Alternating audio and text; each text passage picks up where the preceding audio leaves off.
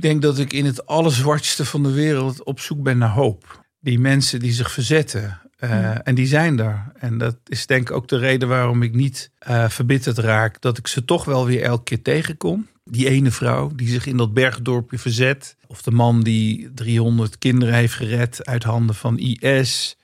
Uh, en daar eigenlijk helemaal niet een schouderklopje voor wil.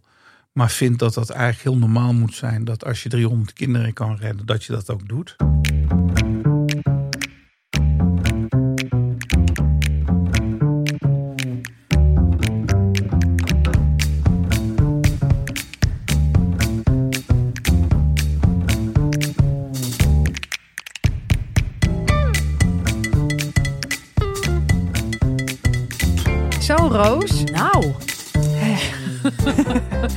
Al onze probleempjes nu zo ontzettend klein bier.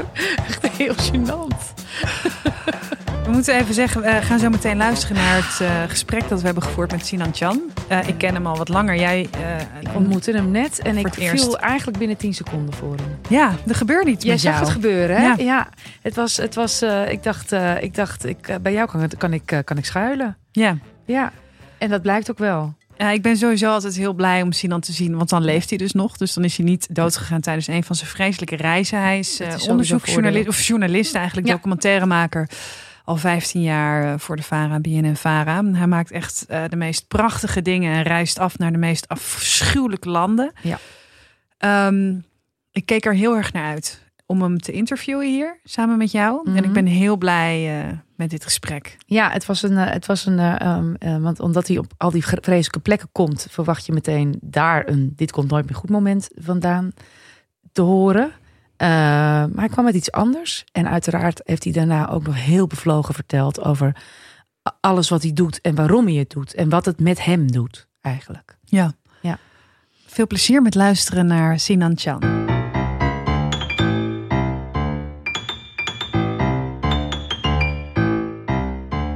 Oké, nou ja, we Sinan, we hebben jou dus al uitgebreid geïntroduceerd. Ja. ja. Is dat zo? Ik ja. heb niks gehoord. Ja, ja dat doen we. Met de kennis van het gesprek introduceren we jou straks. Oh. Dus ik zou maar een beetje... dat was toch wat? Dat ja, dat iedereen, was toch wat? Iedereen echt gewoon afgefakkeld heeft. Precies. Ja. En, en dat, dat gaan we dan zeggen. En dat hij gewoon ontslag heeft genomen bij de NPO ja. en naar RTL gaat. Jezus, wat heftig. Maar goed, fijn dat hij dat bij ons wilde vertellen. Ja. ja. en dit komt nooit meer goed. Sowieso nooit meer. ja, Sina, wij kennen elkaar uh, vrij goed. Ja. Uh, ik heb altijd op de redactie bij BNN Vara wekenlang uh, een beetje in spanning gezeten. Uh, wanneer is hij weer terug? Komt hij terug? Oh. Heeft iemand nog iets van Sinan gehoord? Jij bent heel vaak weg naar nou, prettige vakantielanden. Vergeet je tandenborstel niet. En nee, je bent vaak in Syrië, Irak, Afghanistan. Waar ben Ja. je onlangs geweest? Syrië. En daarvoor was ik uh, 2,5 weken in Afghanistan. Kijk, vergeet je tandenborstel niet. Ja, vergeet je tandenborstel niet, Ja. inderdaad. En je paspoort. is ook Ja. handig. Ook fijn. En je om tolk. terug te komen. en je kogelvrij vest. En we zijn zo blij dat je er bent. We zijn echt, ja, dus ik ben altijd extra blij om jou weer te zien. Omdat er altijd een periode aan vooraf is gegaan. Misschien zie ik hem nooit meer. Ja, Dus, dat ehm, kan. Dat eh, is een eh, onderdeel van mijn leven. Dat, eh, je kan ook een keer niet terugkomen. Leef je met dat in je gedachten? Eh, ja, ik eh, eh, leef daarmee in gedachten. En ik denk, Roos, dat dat, dat dat gevoel alleen maar is versterkt in de afgelopen jaren. Dat ik dat het altijd, dat daar een kans, dat er een kans bestaat dat ik niet terugkom. Waar, waar, waar ik word er niet dat- onrustig van hoor. Gewoon maar meer van eh, het is gewoon, het kan. En waarom, waarom is dat versterkt, dat gevoel? Ik denk dat als je nu, ik reis nu al tien jaar door dat gebied heen eigenlijk. Ehm, ehm, en dat eh, nogal veel dingen meegemaakt in de afgelopen tien jaar. Elke keer best wel veel geluk gehad, vind ik. Eh, dat je weet dat dat ook een keer kan ophouden. Ja. Dat dat, dat niet eh, ei- eindeloos, eh, net niet, zeg maar. Alsof je gelukstrippenkaart vol is. ja, Ja, precies. ja, Ja, ja, ja. Ik hoop dat hij nog niet vol is, maar je weet het niet. En hoe leeft jouw omgeving daarmee dan? Eh, mijn omgeving die. eh, ehm, ja, die vindt het eigenlijk helemaal niet leuk. Mijn, mijn ouders, vooral mijn moeder, die eh, kijkt niet eens meer naar documentaires. Oh nee. Nee, die is eigenlijk gestopt bij eh, onze missie in Afghanistan. Eh, toen wij daar onder vuur werden genomen in een, in een hinderlaag. En zij mij een week daarvoor had gebeld. of, sorry, zij had mij eh, gebeld eh, in die dagen. En ik had gezegd, alles gaat goed en het weer is lekker. en eh, wetende dat ik eigenlijk een, een leug voor best wil. Altijd zeg dat het, dat het goed gaat. En toen kwam ik terug. Ik had helemaal niks verteld. En toen zag ze die uitzending. Ja. En toen dacht ze, what the fuck? Wat, Ja. wat is dit nou? En, en waarom vertel je dit niet? Waarom vertel je het niet als je terugkomt? Eh, hoop je stiekem dat ik de uitzending mis of niet zie? Eh, Of denk je dat ik een beetje dom ben of zo? Ja, nee, dat is mijn moeder niet. Wat Maar, was het antwoord op die vraag eigenlijk? nou, eigenlijk hopende dat ze, dat ze het even gemist had. dat ze het gemist hebben en dan dat ze het niet gaan terugkijken via uitzending gemist, omdat het misschien te veel eh, gedoe is. Eh hopen dat het zo'n beetje overwaait. En, en nou, nee, dat was niet. En, ehm, dus daar was zij toen heel erg verdrietig over. En, en toen zei ze ook van ja, het is dus niks waard. Het is niks meer waard. Dus als ik aan jou vraag, hoe gaat het met je? Dan ja, het is dus gelijk el- in. elke keer zeggen, ja, dat, Ja. Is, dat is waar. Dat is waar, inderdaad. Ja. Hey Sinan, voordat we straks gaan praten naar echt dat moment waarop Ja. jij dacht, dit komt nooit meer goed. Ik ben heel nieuwsgierig wat je eh, zelf hebt uitgekozen om te vertellen. Ja. Vertel eens iets over jezelf, over wie was je in die periode? Eh, in die periode dat ik het gevoel had, het komt nooit meer goed. Mhm. Een, eh, een recalcitrante puber. eh, die eigenlijk heel erg zoekende was. Ehm, eh, nut van het leven. Ik denk dat de puberteit sowieso vaak een periode is waar je heel erg zoekende bent. En ook, eh, ook echt gewoon denkt van komt het ooit nog goed. ja. Mhm. En ik was. ehm, ik heb een heel fijne jeugd gehad. In een fijne wijk, op een fijne school. eh, in een fijn gezin. Met twee hele verliefde ouders en een jonge broertje. Eh, en ehm, voor mij begon het leven eigenlijk op het moment dat ik de wijk uitging naar de middelbare school. En alsof je in de echte wereld treedt van pubers, van drugs, van eh, eh, eh, klasgenoten die criminele familieleden hebben. alsof er een soort wereld voor je, voor je open gaat. Zo Dat was, was wel een heftige middelbare school dan. Nou ja, het was voor mij een, een periode waarin in, in een hele veilig geborgen omgeving eigenlijk. En dat is niet eens een stap zetten naar een andere stad, maar gewoon naar een andere wijk Ja. Mhm. in Nijmegen. Dus echt uit die bubbel eh, eh, eh, geraken. En dat was zeker heftig, want eh, ehm, dat was in een periode dat het qua school ook helemaal niet goed ging. En dat ik ook echt dacht van, dat wordt helemaal niks meer met mij. En waar gaat dit eindigen überhaupt? En, ehm, ehm, ja, dat was, dat was echt zo'n periode dat ik dacht van, dit komt nooit meer goed. Ik werd ook van school afgetrapt, vanaf de middelbare school. Ik deed ook niks. Dus eh, ik deed ook niet mijn best. En dat vonden de docenten echt heel erg. Want die zagen dus wel van hij is hartstikke slim en sociaal vaardig. En eh, what a waste of space, weet je wel. Dat Ja. hij daar niks mee, eh, niks mee gaat doen. En, en nou ja, En waarom deed je niks? Dat was zo'n periode waar, waarin ik heel erg eh, eh, de wereld en mezelf aan het ontdekken was. En ook niet helemaal wist wat, wat ik nou wilde. En, en, eh, en welke kant het op moest gaan. Ik wist het allemaal niet. Ik bedoel, ik kom uit een heel links-activistisch gezin. Hè, met, met mijn hele leven, of in ieder geval mijn jeugd, heb ik doorgebracht in de vrouwenvereniging. Mhm. Waar mijn moeder voorzitter wa- was ik heb niet echt een jeugd gehad als kind. Ik bedoel, ik zat tussen de mensen die hele serieuze dingen bespraken. Ja. Eh, vrouwen die te maken hadden met huiselijk geweld, met eerwraak, eh, eh, met borstkanker, met weet ik veel wat allemaal. Meiden die van huis waren weggelopen, vrouwen die analfabeet waren. al dat soort dingen. En ik zat daar midden, midden, middenin en ik luisterde ernaar. En, en, ehm, eh, en, en dat was in, in, in, voor mij ook op een gegeven moment de middelbare school. Was ook een beetje breken met, met dat activistische eh, van, mijn, van mijn ouders. En Ja. eh, de discussie aangaan en ook eh, eh, ehm, ja, ook een soort verzet eigenlijk. Rebels. En, en van, van een degelijke, ik kwam uit degelijke familie, degelijke ouders, degelijke omgeving, in een bubbel, liefdevol, gewetensvolle mensen met een moreel kompas, wat heel belangrijk was. Ik moest eerlijk en integer, integer leven en, en, en, en dat was een beetje breken met... eh, eh, Integer leven. met- nou ja, ook gewoon je grenzen opzoeken. En, en ook kijken van eh, eh, waar zijn de grenzen. En dat zit hem ook in eh, experimenteren met drugs en met allerlei, eh, met vrienden, foute vrienden. En, en, en dan dwaal je zo heel langzaam eh, af richting, eh, noem ik de afgrond. Maar volgens mij was het helemaal geen afgrond, maar was het juist een hele vruchtbare periode om, om, om, om jezelf ook te ontdekken en ook te kijken van eh, wat wil ik nou verder. Ik En- zie het allemaal als er- ervaring. hè. Ik bedoel, mensen die kan Mhm. heel negatief doen en eh, ook over heel veel trauma's, maar het, het vormt je uiteindelijk wel zoals je bent nu. En wanneer dacht je, wat had je gedaan Mhm. toen je dacht, ik heb het nu zo verkloot.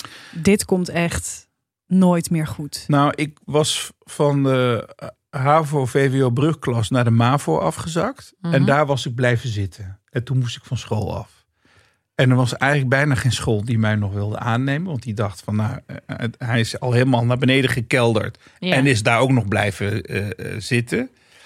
Eh, dat ik dacht, ja, dit, eh, dit gaat hem eh, eh, niet worden. Misschien moet ik maar, weet ik veel, gaan werken of zo. Of eh, de, de, dagen doorbrengen zonder naar, naar, naar school te gaan. En toen ging ik naar het Canisius Mavo, zo heette dat. En daar zat nogal een strenge directrice. Mevrouw Wibier van Mechelen heette ze. Ook nog CDA-lid, volgens mij was ze gemeenteraadslid. En dat was een mevrouw, zeg maar, van de oude stempels. Ze is overleden. Ehm, eh, maar ik heb ontzettend veel eh, eh, nou ja, liefde ook voor haar, omdat ze nogal strak was. En mij ook nog strak in het gareel kreeg. In een periode waarin ik dacht van het heeft allemaal geen zin. En het wordt allemaal niks. En ik zit mijn tijd gewoon te verdoen op school. En het is niet helemaal mijn ding. En van daaraf begint zeg maar de verlichting voor mij.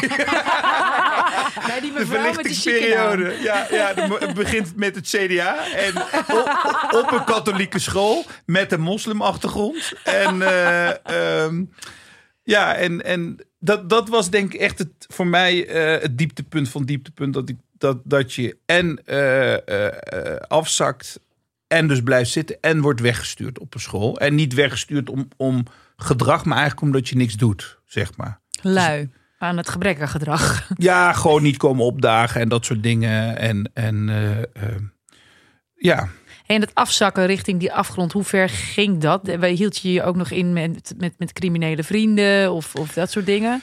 Eh, ik had criminele vrienden, maar ik deed er zelf niet aan mee. Want ik vond dat een, te grote schande en schaamte voor mijn ouders. Oh dat ja. ik, dat, Mhm. dat, ik, zou, ik zou ze dat dan weer niet willen aandoen. Nee. En ook omdat dat zij mij toch ook wel op een manier hebben opgevoed dat eh, eerlijkheid het langste duurt. Mhm.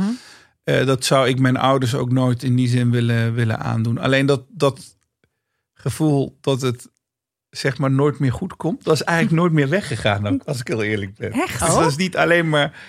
eh, dat was niet alleen. Dat heb ik eigenlijk nog steeds wel eens van die dagen dat ik denk van. Ik kan niks en laat me gewoon in bed liggen. En ik wil mijn telefoon uitzetten. eh, en ik weet niet hoe dat komt, maar dat gevoel heb ik eigenlijk constant. Dat ik eh, denk dat het niet goed komt. Maar dat, heb, maar dat heb ik waarschijnlijk ook. Dat wordt versterkt, denk ik, ook door de reizen die ik maak. Dat, dat ik in gebieden kom, eh, in situaties waarin ik ook gewoon heel vaak denk: het komt nooit meer goed met de wereld. Ja. Mensen zijn slecht en, en, en gewetenloos en, en gemeen. Eh meedogenloos. En, en, eh, nou ja, en als je de dingen hebt gezien die ik heb gezien, dan, dan ja. Het is eigenlijk een wonder dat ik niet verbitterd ben eigenlijk. Nou, dat, dat, ja, die vraag lag ook voor de hand inderdaad. Ja. Want, want, want wordt je wereldbeeld somberder? Ja.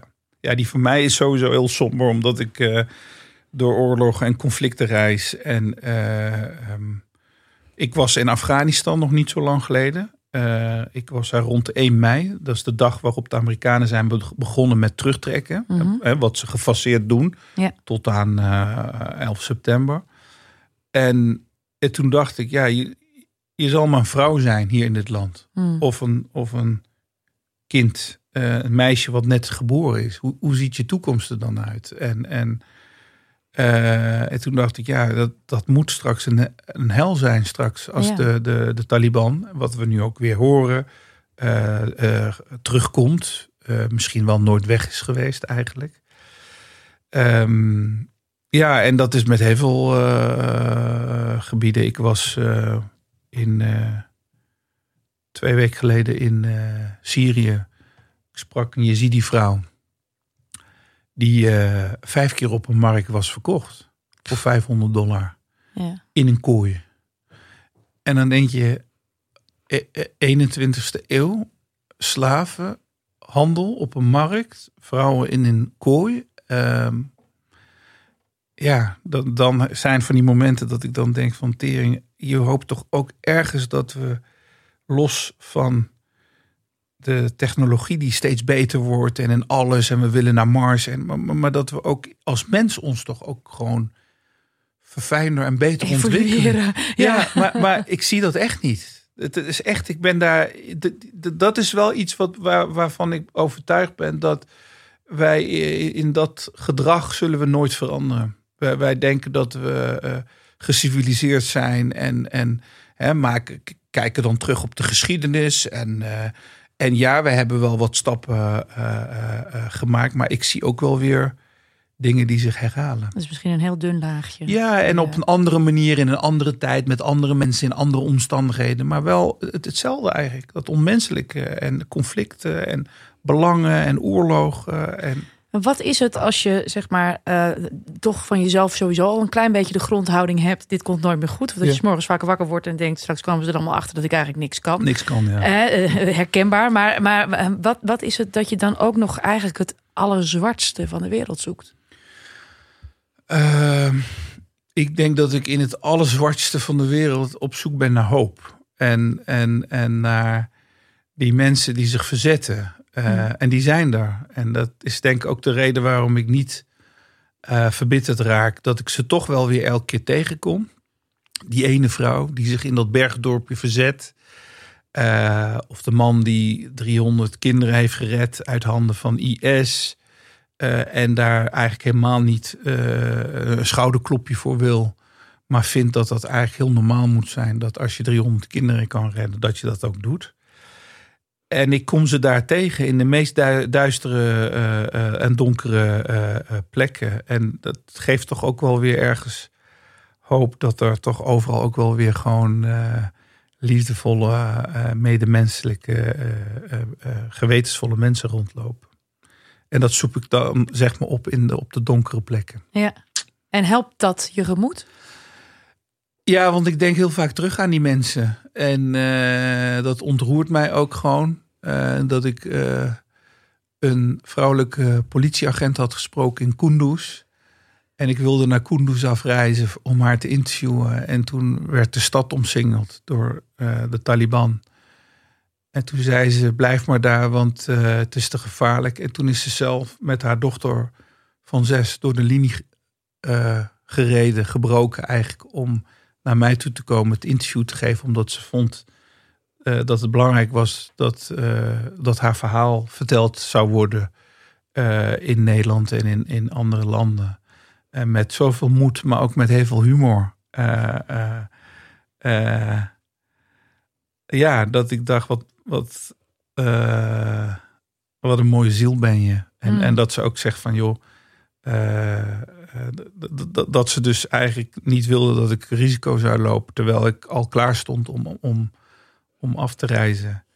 En zo heb je heel veel, eh, eh, kom ik heel veel eh, van dit soort mensen tegen die, die zich echt verzetten.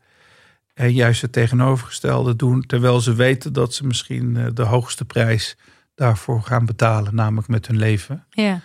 En eh, nou ja, niet bang zijn. En ik moet jullie heel eerlijk zeggen, en dat is niet om eh, eh, te slijmen of om een soort feminist, maar het zijn toch vaak vrouwen. Ja? En ik, mijn, mijn, mijn liefde voor vrouw was al hoog. Door, door deels ook in de vereniging waar ik zat, hoe ze zich verzetten. En hoe ze met onrecht omgingen. Maar dat is alleen maar nog sterker geworden in de afgelopen jaren.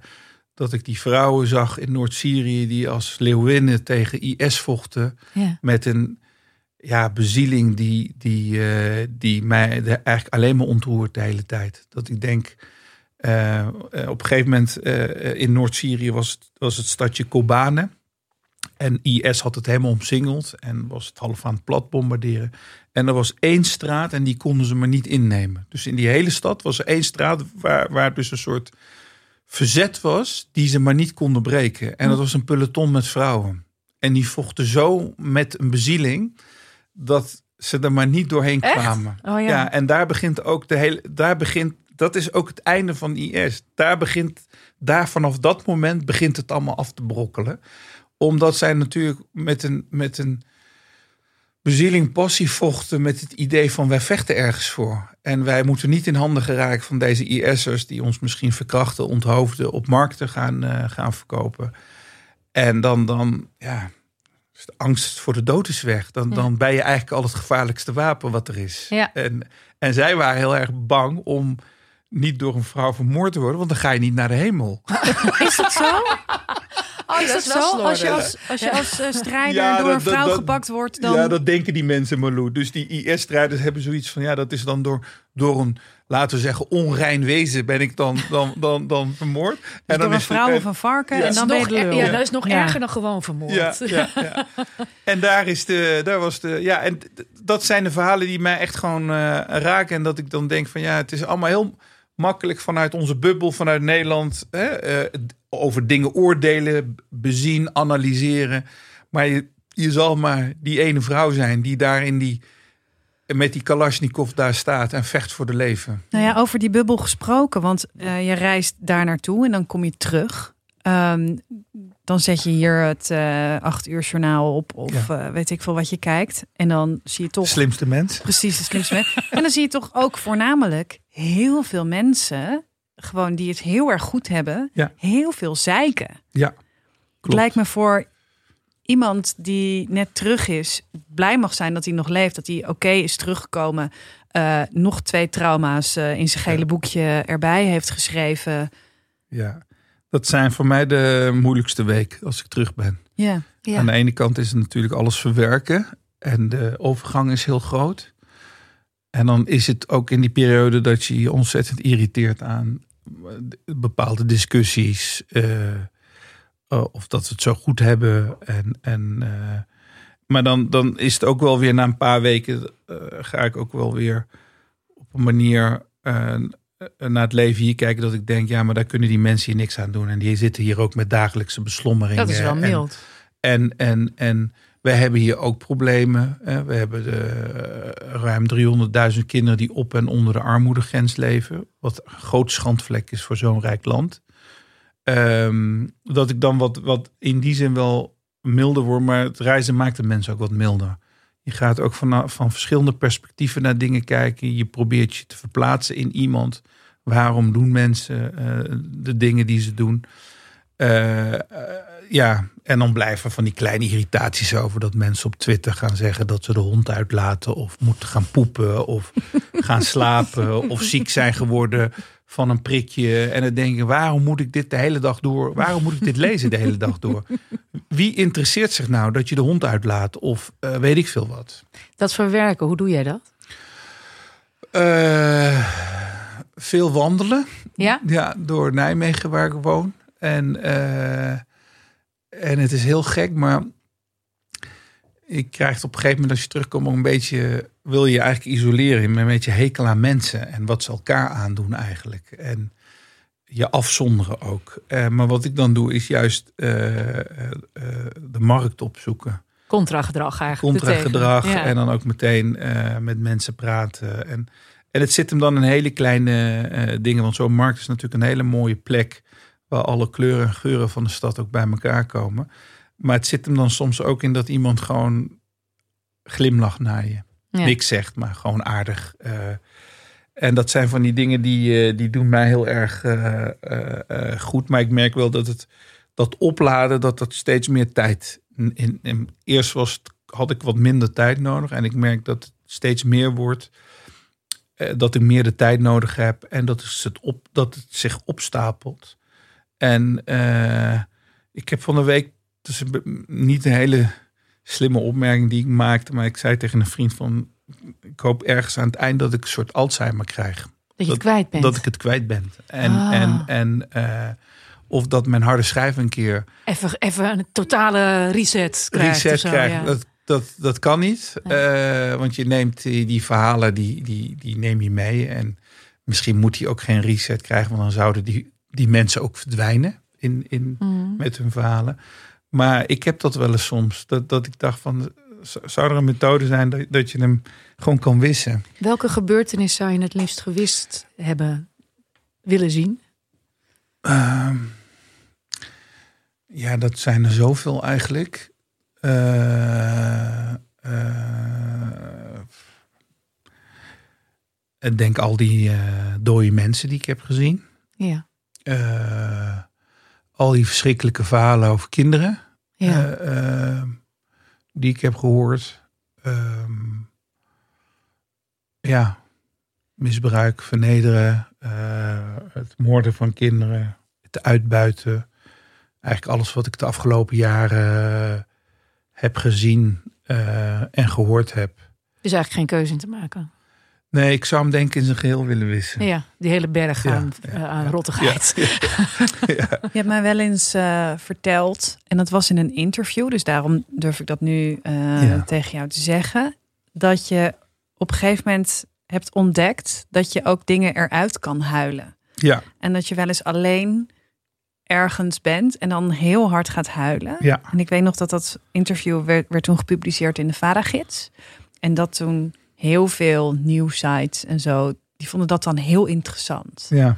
Dat er een man vertelt, ik Dat moet hij gewoon af en toe heel hard gaat huilen. ja. huilen. Dat doe ik nog steeds. Maar wel als de deur van, de, van het hotel of de kamer waar ik slaap op slot, eh, op slot is. En dat is een soort alsof het gif uit mijn lichaam eh, gaat. Maar het is een soort. Het is, het is verdriet, het is woede, eh, frustratie, wanhoop. Eigenlijk al die emoties gaan door elkaar bij, bij Mm. door elkaar heen. En ook een soort gevoel van: ik kan nog honderdduizend documentaires maken, maar het maakt het verschil niet voor die nee, mensen. ja, zo. Het Ja. zorgt er niet voor dat het conflict beëindigd wordt. Ik bedoel, dat is wel een heel hoog doel en eh, grote ambitie dat, dat je een docu maakt en dat een oorlog stopt. Eh, maar dat gevoel dat, dat het, ja, het voor die, die mensen helemaal niks doet. Het 0,000% iets verandert in hun, in hun leven. Of die kinderen die ik aan de lopende band achter heb gelaten. Die kinderen die ik elke keer in de auto, in de kofferbak wilde gooien en ze allemaal wilde meenemen om ze een tweede kans in het leven te geven. Het doet, het doet, ja, het, het levert in die zin. Mijn werk is ook gewoon scheten in de eeuwigheid. Gewoon. Ja, dat klinkt heel oneerbiedig, maar ja. Nee, bedoel- maar ja, of misschien wel bedoel, het is leuk voor ja. de mensen hier dat je thuis zit en verdrietig raakt en geroerd raakt door, door een verhaal 5000 kilometer verderop. En dat je daarop hè, dat, dat, dat je tot andere inzichten komt of iets milder bent richting, richting vluchteling. Maar, maar wat heeft dat kind wat in die steengroeven in Afghanistan werkt nou aan die docu die ik heb, heb gemaakt over talkpoeder? En dat wij met z'n allen zeggen, goh, erg hè? Ja. En dat was het dan. Ja. Ja. Sinan, waarom moet dan die deur op slot van die hotelkamer? Omdat ik het niet dan vind om eh, in het bijzijn van mensen die echt midden in de ellende zitten om te huilen. Terwijl ik, een, ik ben een passant. Ik Mm. kom en ik haal een verhaal en dan ga- ga ik weer weg na twee weken naar het veilige Nijmegen. En ik knuffel mijn vrienden en we eten en we drinken samen. En ik vind het gewoon niet oké als die mensen zich daar sterk en moedig proberen te houden. Dat, dat ik dan daar een beetje, ja, klinkt stom, een beetje zielig ga doen. Dat je gaat En- zitten, en- zitten sniffen. en ja. huilen. Maar ik heb wel echt heel vaak gehad dat, dat, dat met kinderen ook, dat ik mijn tranen echt moest inhouden. Dat ik zat te zuchten of ergens naartoe zat te kijken. Dat ik dacht van eh, dat- dat je, ja, ik, die, je ziet die vrouw waar ik het over had, hè? Moest, ik- moest daar echt gewoon eh, toch een traan gelaten, omdat ik het gewoon niet anders kon. Zij leefde dus in een klein dorp. Eh, op een gegeven moment komt de IS, die vermoordt eh, allemaal mannen. Zij wordt gescheiden van haar grootste liefde. Ahmed Omar heet die man. Ze waren vijf jaar getrouwd. Helemaal hotel de botel, verliefd op elkaar. Worden gescheiden van elkaar. Zij wordt in die jaren vijf keer doorverkocht op markt. Markten wordt verkracht. Heeft twee verkrachtingskinderen ook van IS'ers. En wordt uiteindelijk bevrijd. Paar, twee, drie jaar geleden. Zij is al drie jaar op zoek naar Ahmed Omar Oh, hopende dat hij, dat hij nog leeft. Ze zei tegen mij dat ik nog niet gek ben geworden, is eigenlijk een, een, een wonder. Maar ze denkt dat het wel gaat worden. Dus zij heeft zijn naam op haar arm getatoeëerd. Omdat als zij alles vergeet en alles kwijt is, zijn naam in ieder geval nog Oh. op het lichaam ah. heeft. Zij was dus getuige van dat haar zusje van tien werd verkracht. Waar ze bij stond. En zij moest kijken. Niet één keer, nee, een paar keer. Eh totdat het kind bijna doodbloedde, zeg maar, van tien. Eh, zij heeft twee verkrachtingskinderen. De Yazidi-gemeenschap zegt, is goed, we nemen je terug. Maar je moet de kinderen achterlaten in een weeshuis. Want het zijn IS-kinderen. En zij zegt, maar heb ik dan nog niet genoeg geleden? Ja. Vinden jullie niet dat ik... Dus zij weigert dat. Waardoor ze eigenlijk op min of meer bijna op straat leeft. Zij woont in een huis van een paar filantropen in Noord- Noord-Syrië. in grote eh, armoede, vasthoudend aan haar kinderen. En natuurlijk ook vasthouden aan dat Ahmad Omar nog, Ah ja. nog leeft. En laten we zeggen, een Syrische Romeo en Juliet ook weer met een ellendig einde. Want ik weet wel dat Ahmed Omar in een van die massagraven ligt. Dat vrees ik ook, ja. Dat hij, Ja. dat hij, Ja. Maar dat zal ik nooit tegen haar zeggen. Want de, de kracht om door te gaan haalt ze uit hoop dat hij er gewoon is. Dat hij een keer om de hoek komt aanlopen met zijn mooie snor. En, en haar omhelst en zegt dat het afgelopen is. En dat ze weer een leven kan kunnen opbouwen. Ja, ik zou zeggen, houd maar droog. Ja. Als iemand dit Nou vertelt ja, aan nee. je. En dan in nog tien details, nog meer details. En, Nou, hou het maar droog. Ja. En ehm, eh, verlies het niet als je weer hier terug bent in Nederland. Ja. En er wordt eh, ergens aan een talkshowtafel gesproken over gelukzoekers. Ja. En Ja. eh, kan Ja. wel weer terug. Ze zijn weg, toch? ja, klopt. Dat, want je hebt verdriet, maar daar staat tegenover natuurlijk ook agressie. En, Ja. en Wat is groter woede. bij jou? Woede of verdriet? Ik denk dat het verdriet het grootste is. Toch wel? Ja, dat, dat wat mensen elkaar aandoen. Dat, eh, en, en, en, en ook wel tel- teleurstelling ook in, in, eh, in, nou ja, in mensen ook gewoon. Ook wat Malou zegt, dat, dat, je, dat je soms die hele discussie over vluchtelingen. Ja jongens, er zitten rotte appels bij. Ja, er zitten mensen bij die je misschien niet horen. Die we misschien moeten terugsturen. Maar er zitten ook echt mensen bij die uit hel komen. Ja. Echt uit hel Ja. en getraumatiseerd zijn en, en, eh, en die we moeten opvangen. Wat dus is gebeurd in dat Noord-Syrië, ik ben dus daar in een weeshuis geweest, waar 60 Yazidi-kinderen zijn, die dus achtergelaten zijn door de moeder. Van, van, een, van baby tot 14 jaar. Eh, en we hebben het de hele tijd over die Yazidis. Waarom zagen we niet, we gaan die 60 kinderen halen? Ja. Weet je, geven ze een tweede kans in het leven. Überhaupt. In plaats van die kinderen daar achterlaten, die al achtergelaten zijn. En fantastisch recruteringsmateriaal zijn voor, voor terreurgroepen. Hè? Ja. Iedereen heeft je achtergelaten. Ja. Maar wij geven om jullie. Ja. Zoals de maffia of de eh, terreurorganisaties dat doen. Misschien een hele gekke vraag hoor. Maar is er in, eh, als jij op reis bent en met de mensen die jij ontmoet, is daar ruimte voor humor? Ja, soms op de, me- soms op de meest, op de meest gekke, eh, eh, gekke plekken. Ehm, wat ik ook vaak doe, is op, op eh, gekke, iconische plekken neem ik iets mee. Mhm. Dus ik heb bijvoorbeeld, ik heb in een kroonluchter van, van Saddam Hussein gehangen in zijn, in, zijn, in zijn paleis. Om een stukje uit die kroonluchter te halen. Oh, daar knap ik wel weer van op, moet Ja. ik zeggen. Een beetje eh, Boudewijn Boeg, weet je wel. En dan, en dan, eh, en dan heb de dodo, mooie, mooie verhalen. Ik heb een stukje van, van het tuindecoratie van het, van, uit de tuin van Gaddafi heb ik gehaald. Fijn. En het laatste wat ik heb meegenomen is... eh, Kon niet tuinieren, hè, die Gaddafi. En het laatste wat ik heb meege, eh, meegenomen is... ik ben een tweeluik aan het maken met Floortje Dessing... over 20 jaar 9-11. Eh, Floortje reist naar Amerika, ik reis naar Afghanistan. En ik ben naar de boerderij geweest waar Bin Laden vijf jaar heeft gewoond. Tar Oh. Tarnik Farms heet dat.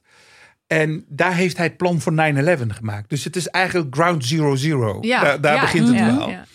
En ik was daar dus op zoek naar eh, iets. En, en, en toen vonden we een cassettebandje.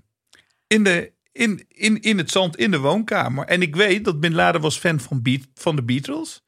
Eh, Ik zit echt ik Ja.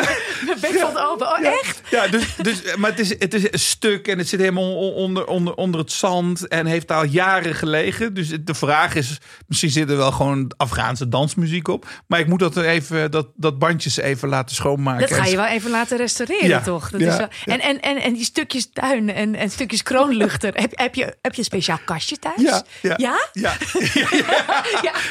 ik heb dat echt. Echt? Ja, oh, ik dat heb zou ik een, ik heb een, ik heb een, ik heb een, een kastje waar dat soort dingen in zitten, maar ook eh, eh, dingen van mensen die me dierbaar zijn, die bijvoorbeeld hele kleine dingen aan mij hebben gegeven. Er is een eh, Afghanistan-veteraan, Oscar, die heeft me zijn, zijn militaire badge gegeven. Mm. Dat zit daarin. Of eh, eh, dat, dat soort kleine dingen. Maar daar zitten ook dat soort spullen in. Ja, Ja. dat is wel fantastisch. Als Dus, we- ik, dus ik kom een keer aan tafel, à la Boudewijn Boeg, Ja. met, met handschoentjes. ja, ja, ja, met handschoentjes. En dan ga ik allemaal eh, mooie verhalen En vertellen. al die verhalen vertellen Ja. over die spullen. Het lijkt mij fantastisch, echt. Zeg, als, als, als we nog even teruggaan hè, naar, naar, naar de puber. Ja. Die eigenlijk dacht van het wordt niks met mij. En eh, richting die Ja. afgrond schuifelde eigenlijk. Eh, Ja. ehm, stel dat hij toen had geweten wat je nu was geworden. Was dat troostrijk of beangstigend geweest? Oh, dat is een goede vraag, Roos. Moet ik even over nadenken. Ik denk troostrijk, toch? Dat denk ik ook wel, Ja, ja. ja dat denk Ja. ik ook. Omdat dat. eh, eh, ik, ik al vaak zeg dat het, dat het werk zwaar is. En, en, en dat ik het ook niet eindeloos ga doen. Ga ik ook niet doen. Eh, eh, maar dat er ook wel ergens voldoening is. eh, dat ik vind dat die verhalen heel belangrijk zijn. Dat die verteld worden. Ja. En, en, en ja, we moeten die verhalen gaan halen. Dat is nu eenmaal de ondankbare taak van de journalist. En wij hebben in ieder geval mensen uit mijn vakgebied, oor- oorlogsjournalistiek, toch ook bijna allemaal te maken met PTSS. Dus Ja. ik sluit ook niet uit dat ergens in de staart van mijn lo- loopbaan dat een keer naar buiten komt. Of misschien komt het wel eerder eh, naar buiten. Het zou ook bijna gek zijn als het niet naar buiten komt. Want die, eh, nee. dan moet je een soort robot zijn. Dat je allemaal, al die verhalen die ik je nu vertel, Mhm. alsof dat mij niks doe. En Ja. uit zou de losse mouw zo eh Nee, be- niet. beetje verhalen vertellen. Nee, want die, dat kan niet, want die verhalen raken mij. Ook als ik daar ben. En die verhalen neem ik mee. En dan eh, eh, denk ik denk heel vaak na over allerlei verhalen. Ik, ik leg allemaal linken. Ik, ik kan bijvoorbeeld niet naar de film Pianist kijken gewoon. Dat heb Nee. ik een aantal een jaar geleden geprobeerd. En toen ben ik op, op, ergens op de helft gestopt. Omdat het voor mij, als hij door die stad in puin loopt, Ja. leek het voor mij alsof ik in, in de puin van Mosul liep. Ja, snap ik. Precies hetzelfde. Ja. En eh, ik heb nog naar A Private War gekeken. Eh, Mhm. Dat gaat over oorlogsjournalisten. ehm eh, ben ik nu even de naam kwijt. Goede vriendin van Minka Nijhuis ook. eh, die omgekomen is in, eh, in, in Homs in, in, eh, in Afghanistan. Mag ik het even opzoeken? Ja, tuurlijk. Zeker. Kun je het eruit knippen? Ja, Ja, ja, ja. Alles kan. En dit is ook niet zo heel erg. Nee. Ik vind wel dat ik haar naam even moet weten. Ik vind het niet zo chic. Ik vind het altijd heel. Ik weet nog dat toen, ehm, eh, toen ik zelf eh, in therapie zat en dat ze tegen mij zeiden: eh, Je hebt PTSS. Dat kwam door een ongeluk. Dat ik dacht, ja, maar als Sinan het niet heeft, hoe kan ik dat dan hebben? Nee, maar Ja. serieus. Ik heb Ja. toen heel veel gedacht, ja, maar dat, Ja, dat kan toch helemaal niet? Ja. Kan wel, want misschien heb ik het ook. Alleen is het nog niet. eh, het zou raar zijn al- als, als het helemaal aan mij voorbij gaat. Dus Mhm. ik ga er echt vanuit dat. Ja, Maar dan moet ik ook denken aan die, aan, die, aan die vrouw met die tatoeage op haar arm, zeg maar. Die Ja. zegt, ik weet dat ik een keer gek Ja. ga worden. Zeg je Ja. dat nou eigenlijk ook een beetje? eh, Ja, misschien wel ergens aan het eind. Ja, ik wil het je niet in vragen Nee, hoor. maar maar, het is...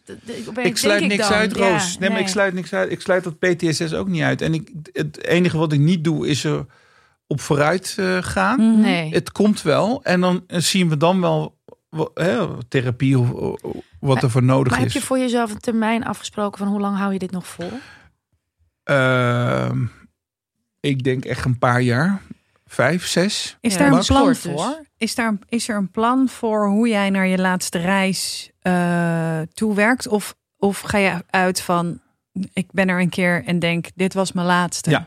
Ik denk Dat dat momentum dat. gaat komen. Ja. Dat ik terugkom van een reis en denk, dit, dit, dit was hem. Ja. En, en eh, er is wel een ander plan wat ik heel graag wil. Namelijk, ik wil een weesdorp. Ergens in het Midden-Oosten. En daar werk ik naartoe. Mhm. Dus dat, hoe sneller dat, hoe dichterbij dat komt, hoe sneller ik de stap ga maken en ga stoppen met werken en mij nog bezig ga houden met kleine mensen. En, eh, Ga je dan ook daar wonen? Ja, Oh, je, Ja. gaat, je vertrekt dan? ja, ja, Ja. ik wil dan ook zelf de verzorging doen met een aantal mensen. En dat, dat zou ik niet aan iemand anders. Dat, dan wil, dat wil ik dan ook zelf doen. Ja, en op- mijn laatste dagen ook doorbrengen met kleine mensen. en hopende dat kleine mensen. eh, eh, dat zei een Turkse, een Turkse schrijver heel mooi, Aziz Nissin. Het is niet belangrijk om een mooie wereld achter te laten. Het is belangrijk om mooie mensen achter te laten. Hmm. Dat is nog veel belangrijker. Ja. Gewetensvolle mensen die dat, dat menselijke en alles weer doorgeven aan een volgende generatie. Respect hebben voor de natuur, voor dieren, voor alles waar leven in zit. En, en zo een keten van harten ontstaat, die dan aan elkaar wordt doorgegeven. Ik zou dat willen, ja. Een kleine bijdrage willen leveren aan kleine mensen. En liefst daar ook met kleine mensen mijn laatste dagen doorbrengen. Dat vind ik mooi, dat zo klein. ik, wij kennen elkaar helemaal niet, maar ik hou heel veel van je nu. Maar goed, sorry. Ja, ik zeg kleine mensen omdat ik Dat heel, ik hou heel erg en dat zo zal Malou en de, de kleine prins Ja, nee, Mm. prachtig. het boek Dat is het en mooiste, en ja. dus Ja. eigenlijk geen kinderboek, maar Nee. ook weer wel. Ja. En eh, eh, dus dat heb ik ook helemaal in in in in mijn in mijn hoofd als ik zeg kleine mensen en een soort kleine prinsdorpje. Ik zie op- je op ook het- met dat vlaggetje zo. Ja, ja, ja. en die sjaal. En die sjaal. We hebben een keer, ehm, ik werkte op een werkplaats eh, in Nieuw-Vennep. En toen heb ik jou gebeld. Omdat ehm, we hadden een jongen daar, die kwam ook uit Syrië, Imet. En ehm, die was in Nederland gediagnosticeerd met een verstandelijke beperking. Ehm, maar hij begreep alles zo goed. Ja. En hij, hij was ook wel eh, Nederlands aan het leren en met zijn telefoon. En, ehm, en ehm, toen heb ik Sinan gebeld om eventjes een keertje met z'n drieën te praten. Ook om, om te, te kijken wat zijn jouw behoeftes, waar, waar, wat wil je? Want hij kwam er niet goed uit en hij stotterde heel erg. Hmm. En toen bleek dus dat ze hem, ehm, weet je dat nog, de, met de verkeerde taal hadden Ja. aangesproken. Dus nee, oh. zij hem helemaal niet. En daar kwam Sinan toen achter. Ja.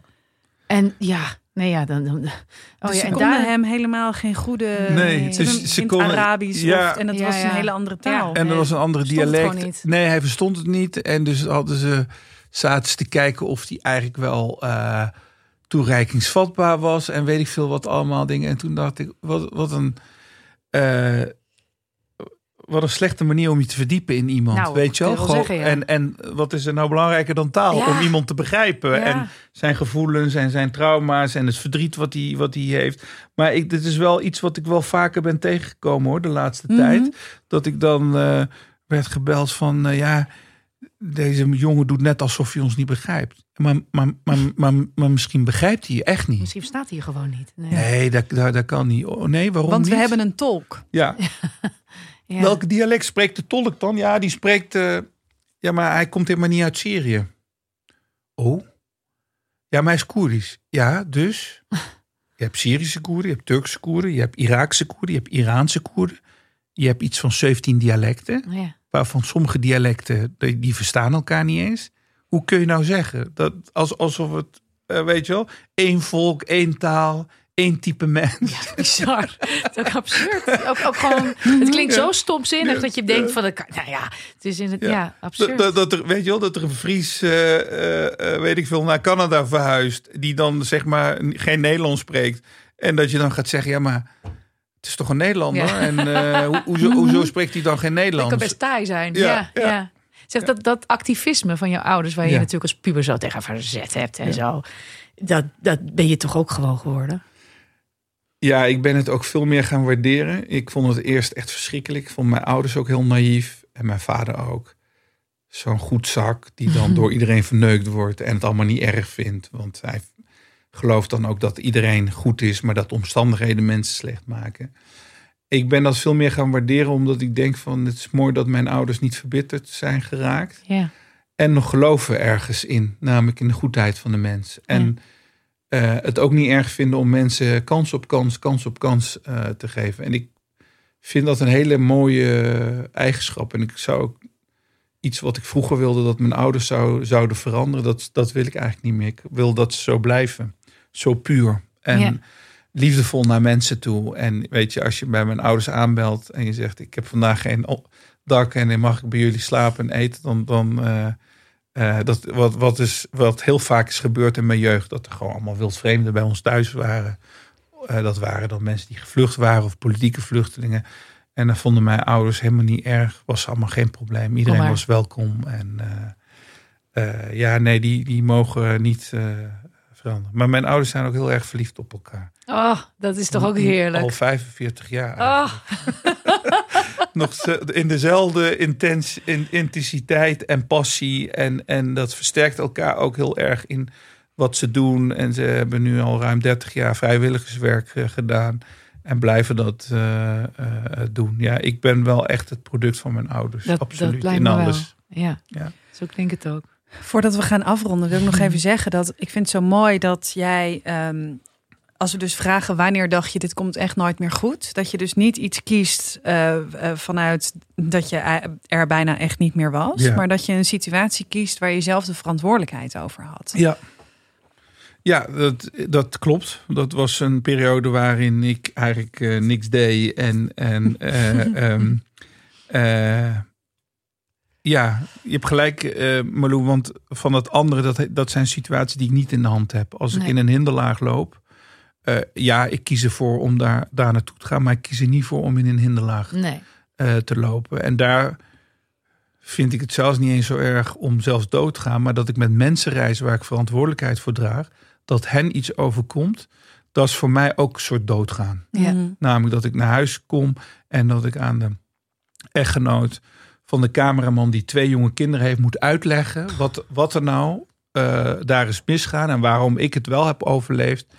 En, uh, en hij niet. En die band heb ik zo vaak terug uh, vooruitgespoeld en teruggespoeld. Dat ik daar zelfs ook een beetje gek van werd. Dat ik dacht mm. van dat mag mij nooit Stel overkomen. Dat, dat, ik, gebeuren, dat ja. ik daar voor die deur sta en aanbel. Oh, en en, en uh, ja. En, en uh, mijn puberteit is, was toch ook wel een, vond ik een, een bijzondere tijd voor, voor mezelf. Ook, ook wel veel, veel geleerd. En, en ik geloof toch wel als het in de kern goed zit, dat het toch wel altijd goed komt. Dat je, ja, dat je niet moet denken, dat je niet moet denken van het komt nooit goed. En mijn grote inspirator Rumi, Soefie-meester, zegt in elke ruïne is er een schat verborgen. Dus ook al wat je meemaakt, en dat kan ook hele heftige dingen zijn in het leven, in je jeugd, de dingen die je hebt meegemaakt, dat zijn toch ook de dingen die je vormen. Ook als het hele traumatische, heftige uh, dingen zijn die je ja. hebt meegemaakt. Ik ken bijvoorbeeld een man die in zijn jeugd misbruikt is, uh, uh, mishandeld is, waarvan eigenlijk heel normaal zou zijn wat heel vaak gebeurt als men, dat mensen dat doorzetten. Hè? In, in, in, in. Maar hij wil, hij wil die, de man die zijn vader was niet zijn. En, Mhm. en, en, en runt ergens in de wereld een, uh, een kinderthuis met heel veel liefde en heel veel passie. Met, met de hele tijd het idee, de jeugd die ik heb gehad, die ga ik deze kinderen besparen. Ik ga er alles doen. aan doen. Nou ja. Dat ze dit eh, hetzelfde niet gaan meemaken. Zeg nog één keer die woorden van Rumi. Dat lijkt me de mooiste afsluiter namelijk. Eh, in elke ruïne eh, is er een schat verborgen. Dankjewel. Ja, jullie ook. Ja, dan sluit ik nog eventjes af door gewoon te zeggen wat ik altijd tegen je zeg. Stop alsjeblieft met dit werk. Kappen. Ga naar die kleine mensen. Kappen met dit fantastische, maar krankzinnige werk. Dankjewel. Ja, Dankjewel. dankjewel.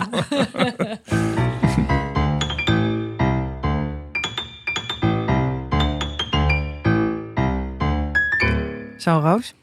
Ja. Ja. Ja. Ja, weet je wat ik dan toch heb? We hebben Mm. hem net uitgezwaaid. Ja. En ik weet dat hij weer op reis gaat. En ik zei tegen jou, ik heb het weer. Ja. Ja. Ik heb het weer. Dat ik hoop dat ik hem nog een keer zie. ja en ik wil helemaal niet zo dramatisch doen En nu heb, ik het, mij nu heb maken. ik het dus ook.